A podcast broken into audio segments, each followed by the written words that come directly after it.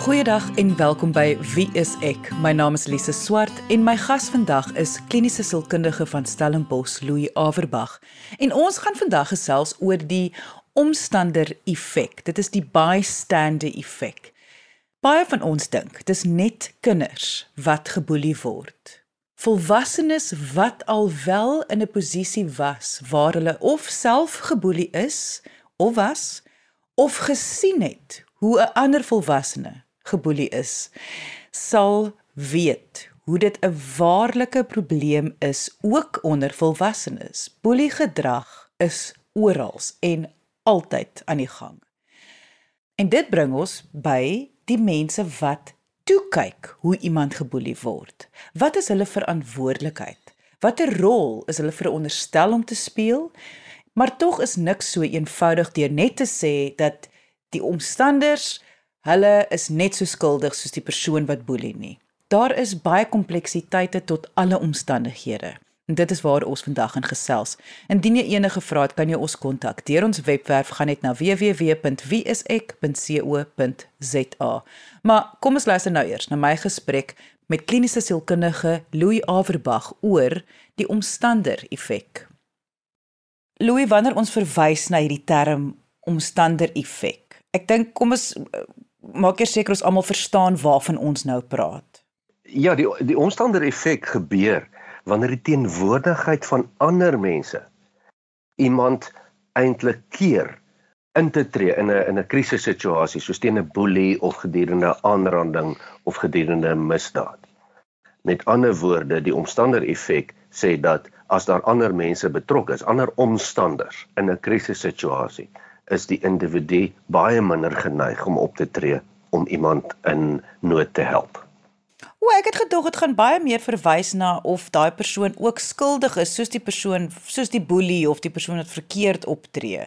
Mense wat net eh, bystanders is wat nie intree en help nie. Ja, dit gaan oor iemand wat nie deel is van die uh noodsituasie nie, maar wat daar fisies by betrokke is en dan nie help nie. En dit is 'n fenomeen wat begin het of raak gesien is in die 60s in Amerika. En dit het begin by 'n spesifieke insident. En dit was in 1964 gewees. Daar was 'n dame met die naam van Catherine Genovese, Kitty Genovese. Sy was 'n kroegdame in New York.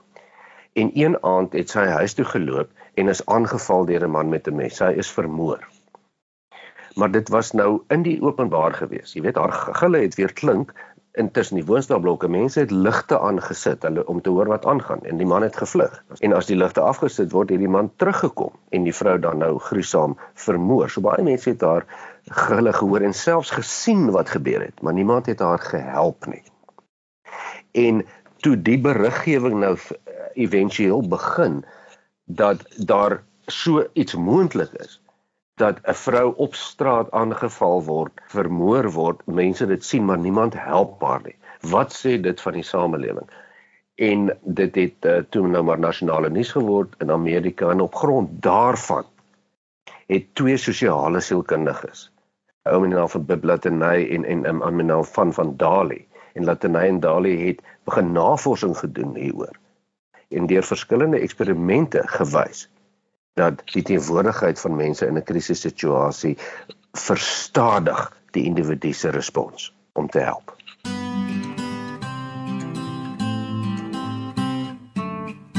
Wat nou vir my baie interessant hier is. 'n Nuwe tendens wat 'n mens veral onder ouers kry wanneer dit kom by kinders wat op skool geboelie word, is hulle raak dan ook kwaad vir die ander kinders wat dit toegelaat het. Maar soos amper meer kwaad as vir die boelie self. En en dit is vir my 'n interessante tendens want wat jy nou sê is mens moet nou mooi hier onderskei dat net teenwoordigheid kan al klaar 'n verstadiging veroorsaak. Iemand hoef nie op te tree nie. Want baie ouers dink as 'n kind daar is, moet hulle intree en die boelie stop wat vir my onregverdige verwagting is van van enige iemand. En natuurlik, dis is die omstander effek nie noodwendig 'n verskoning nie en ons sal nou praat oor ander navorsing hieroor. Um maar dit is bietjie versagtend dat dit wêreldwyd dit so is. Eh, tussen volwassenes en onder kinders dat jy nie so geneig is om om 'n individu te help as daar ander mense ook by is, nie veral ander mense wat niks doen nie. En oorspronklik het het Laternay en Dali hierdie fenomeen toegeskryf aan twee groot redes. Naamlik eerstens die verspreiding van verantwoordelikheid. As ek uh, op 'n toneel is en daar is 10 ander mense ook en wat kan intree, dan hoef ek dit nie te doen nie want ander mense sal dit doen. Ek hoef nie verantwoordelikheid te neem nie. En natuurlik die tweede groot rede wat hulle in daardie tyd voorgehou het, was die hele ding van sosiale invloed. Dat mense is oor die algemeen geneig om 'n trop dier te wil wees en die norme van 'n groep aan te neem. So as jy sien dat ander mense niks doen nie, dan neem jy ook aan, "Haai, maar dit is die norm om niks te doen nie." die die oorspronklike eksperimente hieroor het byvoorbeeld behels dat deelnemers in drie vertrekke gesit word. Een waar hulle alleen sit, twee waar hulle saam met ander mense sit en drie waar hulle saam sit met ander mense maar die mense werk saam met die eksperiment. In die eerste vertrek sit jy alleen en daar word rook in die vertrek ingeblaas. Die mense die mense wat alleen in 'n vertrek sit waar rook ingeblaas word, 75% van hulle gaan dadelik en gaan rapporteer dit aan die mense en sê hoorie maar hier kom rook in hierdie kamer in. In die geval waar mense net saam met ander deelnemers in 'n vertrek sit, gaan net 38% van hierdie mense en gaan sê hoorie hier's 'n probleem, hier's rook. In die derde groep waar die ander mense saamwerk en hulle doelbewus niks sê nie, is daar net 10% van die deelnemers van die samelewing wat dan die rook gaan rapporteer. En dieselfde is bevind met met met byvoorbeeld dames wat in nood is uh, uh, waar jy eksperimente doen waar dit skyn voorgehou word 'n dame aangeval word of iets. As ander mense by is, het omtrent net 40% van deelnemers iets gedoen om die dame te te te help. Jy weet en en baie van hierdie beginsel ken ons, ons die verbyloop beginsel. Hoekom het niemand gehelp nie? Ons sien dinge gebeur. En en en onthou ons hierdie situasie gaan ook verder. Dit gaan na die werkplek toe. Hoekom rapporteer nie iemand nie iets as hulle sien iets is verkeerd nie? Hoekom bly mense stil oor sosiale onreg ensovoorts ensovoorts? Mens kan dit baie ver vat.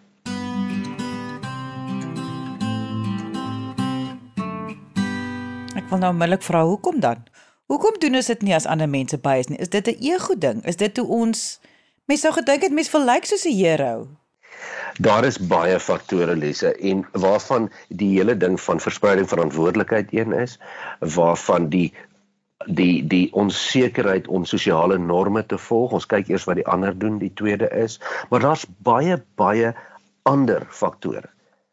Onder andere of omstanders 'n situasie as 'n nood ervaar of nie. En dan wat die aard van hierdie nood is. As dit iemand is wat fisies aangeraak word, is daar 'n groter kans dat mense sal help as wat dit nie so is nie. Ken jy die mense wat daar betrokke is? Is dit 'n vreemde situasie of nie? En die navorsing wys baie duidelik dat as jy in 'n vreemde situasie is, met ander woorde jy ken nie die omstandighede, die omgewing nie, is jy ook baie minder geneig om te help. As die situasie half dubbelsinnig is, jy's ook nie heeltemal seker nie. Jy weet in die in die mense wat ge in meer onderhoude gevoer is in die tyd van Kito Genovese, die omstanders. Hulle het gesê man, ons het gedog dit is verliefdes wat met mekaar beklei. Ons het nie geweet die man val haar aan nie. So as daar onsekerheid is, mense besef nie mooi nie, dan dan speel dit 'n baie groot rol. Kulturele verskille speel 'n geweldige rol. Dit is baie bekend onder navorsing dat in die Chinese kultuur byvoorbeeld sal vreemdelinge nie sommer gehelp word nie. Mense skram weg van vreemdelinge af maar dit is dan meer 'n kulturele oorweging as wat dit 'n omstander effek is. Daar is regtig regtig baie faktore en latere navorsing na Latynai en Dali het gewys dat dit is nie so eenvoudig nie dat dit net een of twee redes is waarom mense hierdie ding doen nie. Jy luister na Wie is ek op RCG 100 tot 104 FM. En ek neem ook aan mens moenie mens moenie noodwendig hierna kyk as 'n jy is reg of jy is verkeerd as jy betrokke raak of nie betrokke raak nie want dit die kompleksiteit lê ook vir my in met diegene wat wel betrokke raak wat wel sommer net intree. Lise die interessantheid hiervan is daar in 2019 'n baie baie goeie studie uitgekom het wat die teendeel bewys het. En as mens vinnig kyk dan lyk dit of dit teendeel bewys, maar dit het vir ons baie meer insig gegee in die hele ding van die omstander infek. In 2019 het het navorsers van die Universiteit van Kopenhagen, uh, Amsterdam in Nederland en en Lancaster Universiteit gegaan. En hulle het gegaan en oor die 200, ek dink was omtrent 219 video-opnames gaan bestudeer wat plaasgevind het in die middestad van Amsterdam, Lancaster en Kaapstad. En hierdie studie het gaan kyk na die video-opnames van 219 konflikterende argumente of fisiese aanrandings. Met ander woorde, oral waar mense kwaai verbaal met mekaar in argumente was of waar daar fisiese aanranding was in hierdie drie stede, is die video-opnames ontleed.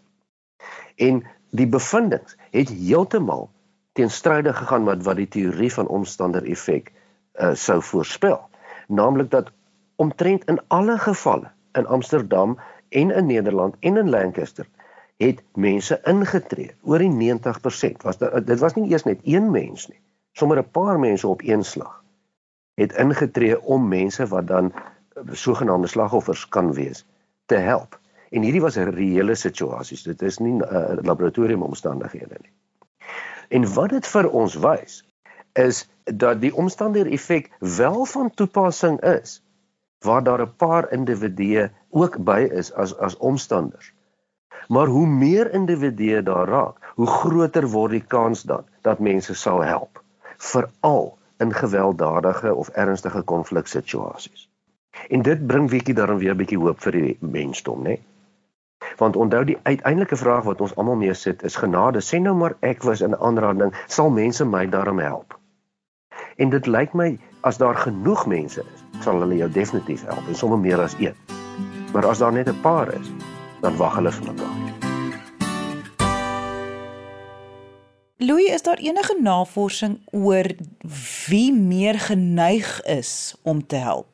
Of of uh, ja, as dit 'n sekere tipe persoon het hulle 'n sekere vaardigheid aangeleer, het hulle 'n sekere morele kompas, want mense wil amper voel is daar iets wat ouers vir hulle kinders kan aanleer oor intree en optree. Dis goed dat jy dit vra. Want wat ons sê is in ideaal in 'n in 'n samelewing wil mens nie eintlik 'n omstander effek hê nie. Mens wil graag hê dat ons mekaar help en ver, verantwoordelikheid vir mekaar neem, nê. Nee. En en om dan jou vraag te antwoord, ja, natuurlik is daar mense wat meer of minder geneig is om hulp te verleen in 'n krisissituasie. Daar's byvoorbeeld navorsing oor 'n uh, seksuele aanranding teenoor vroue. Waar navorsing wys dat dat omstanders wat manlik is, uh, seksistiese ingesteldhede het en wat onder en of wat onder invloed van van dwelms of alkohol is, baie minder geneig is om te om, om te help in so 'n situasie. En daar is natuurlik mense wat van nature meer altruïsties is, mense wat wat natuurlik meer gespanne en skaam is en dit alles speel 'n rol. Maar oor die algemeen is dit sodat die gemiddelde mens, die gemiddelde individu hou bietjie terug of hou nogal baie keer terug as daar 'n paar ander individue ook in 'n krisissituasie is. En oor die algemeen as daar genoeg mense is, as dit begin meer raak, dan help mense vinnig, veral in in 'n gewelddadige situasie of dan ten minste in middestede van groot wêreldstede. Dis wat ons sien. So wat kan ouers vir kinders aanleer om jou vraag te antwoord? Is om die omstander effek te te werk. Dis wat ouers vir kinders kan aanleer. En dit verwys terug na jou vorige opmerking aan die begin van toe ek en jy hieroor begin praat het, waar jy gesê het dat daar 'n groter beweging is van bewustheid dat as jy net 'n omstander is, is jy ook mos skuldig. En dit het gekom met bewustheid. Al die navorsing wys as mens bewus is dat daar iets is soos 'n omstander effek, is dit amper genoeg om dit te te werk. As jy weet jy gaan geneig wees om nie veel te doen nie want jy dink ander gaan iets doen, is dit vir die gewone gemiddelde mens genoeg om dan te te verander en dit dan in ag te neem en dan vinniger op te tree om ander te help as jy in 'n situasie waar waar jy in graad 8 is en 20 ander kinders boelie jou, jy kan niks daaraan doen nie. Maar die ander kinders wat niks teen die boelery doen nie en en nie saam boelie nie, want dit is nie almal wat boelie is gewoonlik net 'n paar. Die die kind wat die slagoffer is kan niks daaraan doen nie, maar die ander kinders wat baie meer is as die 20 kinders wat die kind boelie, kan maklik iets daaraan doen deur te besef dat hulle niks doen nie is deel van 'n bekende omstander effek. En dat, om, om dit te erken, te evalueer en ander aksie toe te pas. En dit is wat mense vir kinders of ons as samelewing kan toepas.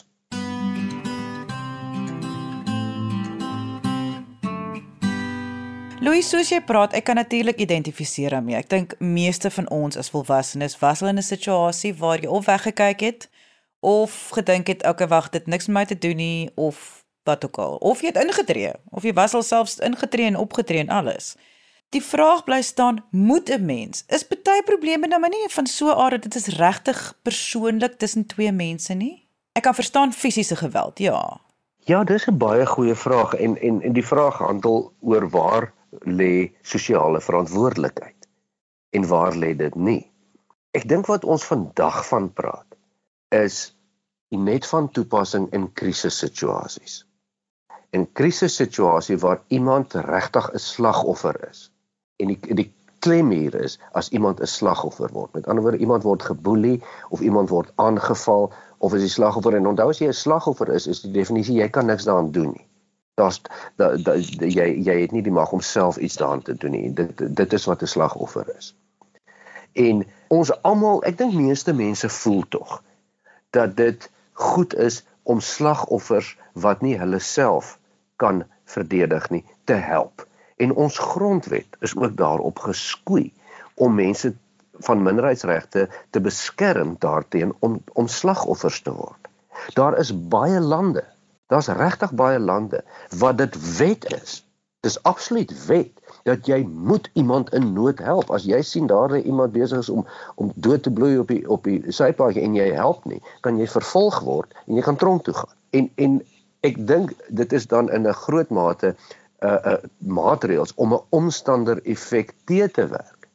Die maatreëls sê nie ons is almal slegte mense wat niks mekaar omgee nie. Die maatreël sê ons as mense is geneig om in baie vooroordeele te verval en in tipiese groepkohesie gedrag te verval. Dis deur die jare bewys.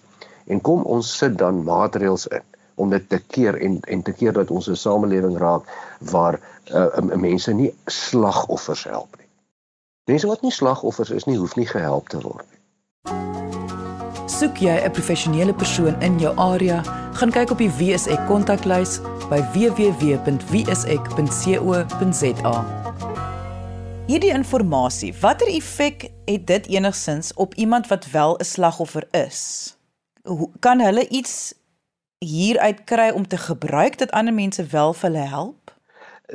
Definitief. As jy 'n slagoffer is, dan wys die navorsing vir jou as jy duidelik kommunikeer die onsekerheid, al die faktore wat die omstander effek kan wegvat, kan jy baie vinniger hulp kry. Die en en die navorsing wys dit. As jy duidelik vir mense sê, luister, ek is in die moeilikheid. Ek wil nie geld van jou hê nie. Ek het hulp nodig medies.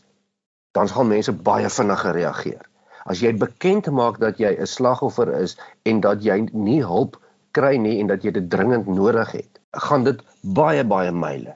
Dit gaan ook daaroor dat jy as slagoffer moet weet dat daar is hierdie fenomeen soos die die omstander effek dat dit heel waarskynlik kan wees dat as jy jou in 'n slagoffer situasie bevind dat ander mense as omstanders gaan traag reageer om jou te help en dat jy dit moet aanhelp. Jy sê ek is in 'n krisis. Um, ek het hulp nodig ek wil dit en dit hê. Ek wil hê julle moet my help hierdie mense maak so met my of ek wil na die hospitaal gevat word of wat dit ook al is, hoe duideliker hoe beter. Dit vat die onsekerheid, die dubbelsinnigheid van situasies weg soos in die in die geval van Kitty Genovese en dan verstaan mense, o genade, wag, iemand moet iets doen. Dit gebeur nie net van self nie en ek dink dis wat ons sien. Daar's tog 'n duisend maniere hoe om 'n situasie te hanteer. Jy hoef nie noodwendig uh, soos die held in te hardloop en dalk jou eie lewe in gevaar te stel nie. Maar soos die kinders by die skool kan onderwysers laat weet. Jy kan miskien die polisie bel. Jy kan miskien um ander mense kry en sê kyk gou daar kom klomp manne kom ons hardloop gou daarin. Dis wat ek nou besef is waar ons die groot fout maak is ons ons dink daar's net een manier om op te tree en dit is om in te tree. Fisiek in te tree. Ja, jy weet en as jy kyk na intervensie, is die een manier is om direk in te tree en in al die onlangse navorsing wat in die middestede met die kameras gedoen is, met die videokameras, het mense ingetree die slagoffer beskerm of die oortreder geblokkeer of weggepraat van die slagoffer af. Maar daar's baie ander maniere wat wat eh, indirekte intervensie nê, nee, deur deur uh, te rapporteer, deur met owerhede te praat, deur met die ander omstanders te praat en sê hoor moet ons net dalk iets doen nie ensovoorts ensovoorts. Ja, mense hoef nie al ewig almal is nie in staat om om om twee ander anders af te weer wat iemand 'n uh, 'n ander hand nie. Nee. Maar daar's baie ander goed wat jy kan doen. Die punt gaan oor die intervensie, oor die betrokkenheid, oor die medeverantwoordelikheid van. En wat die navorsing vir ons wys is dat mense wil en is uiters geneig om dit te doen behalwe as daar 'n paar ander mense by is.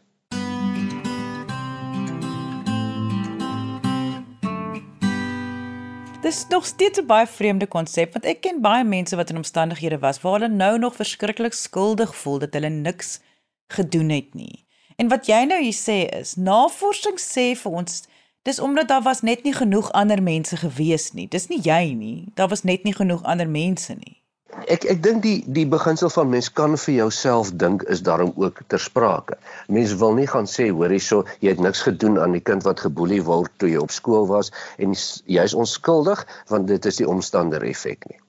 Nee, mens moet daarom ook self verantwoordelikheid vat, maar mens kan tot versagting sê dat dat meeste mense wil eintlik help, maar in sekere omstandighede doen dit net nie sommer nie en dat mens daarvan bewus kan wees en dan kan mense ander strategie implementeer. Jy luister na Wie is ek op RSG 100 tot 104 FM. Daar is tog ook mense wat net nooit betrokke sal raak nie. Ja, ja, maar ons kyk na die kritiese massa, ons kyk na die die patroon van die gemiddelde mens. En en en dit is baie mooi nou bewys dat die gemiddelde mens help net in sekere omstandighede as ons nie bewus is daarvan dat ons hy ons miskielik help nie, dan doen ons dit nie.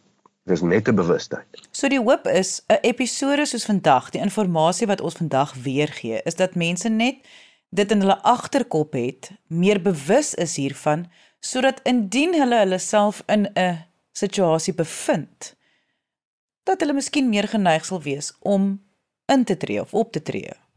Ja, ja, wees net bewus dat daar iets is soos die omstandighede effek en dat dit op gewone mense uh uh uh oor die algemeen uh, inspel in in situasies. En daardie daardie keer wat jy dan verby iemand loop wat jy wonder maar is die persoon regtig in nood of nee en jy loop verby want jy dink ag nee as die persoon regtig in nood was sou almal dit al raak gesien het en iets gedoen het. Dit is die hmm. omstandighede effek. Dit is nie noodwendig waar dat iemand anders iets sou gedoen het nie want jy jy is ook nie iemand anders. En dit was kliniese sielkundige van Stellenbosch, Louis Averbag. Indien jy enige vrae het oor vandag se onderwerp, kan jy ons kontak deur ons webwerf. Gaan net na www.wieisek.co.za of kom gesels saam op ons Facebookblad onder Wie is ek SA. Onthou Dinsdagoggend 9:00 het ons ook live gesprekke met professionele mense oor verskeie sielkundige toestande, sielkundige diagnoses en menslike gedrag. So kom gesels saam, kom gee jou opinie en kom vra jou vrae. Dit is alles op Wie is ek se Facebookblad onder Wie is ek SA.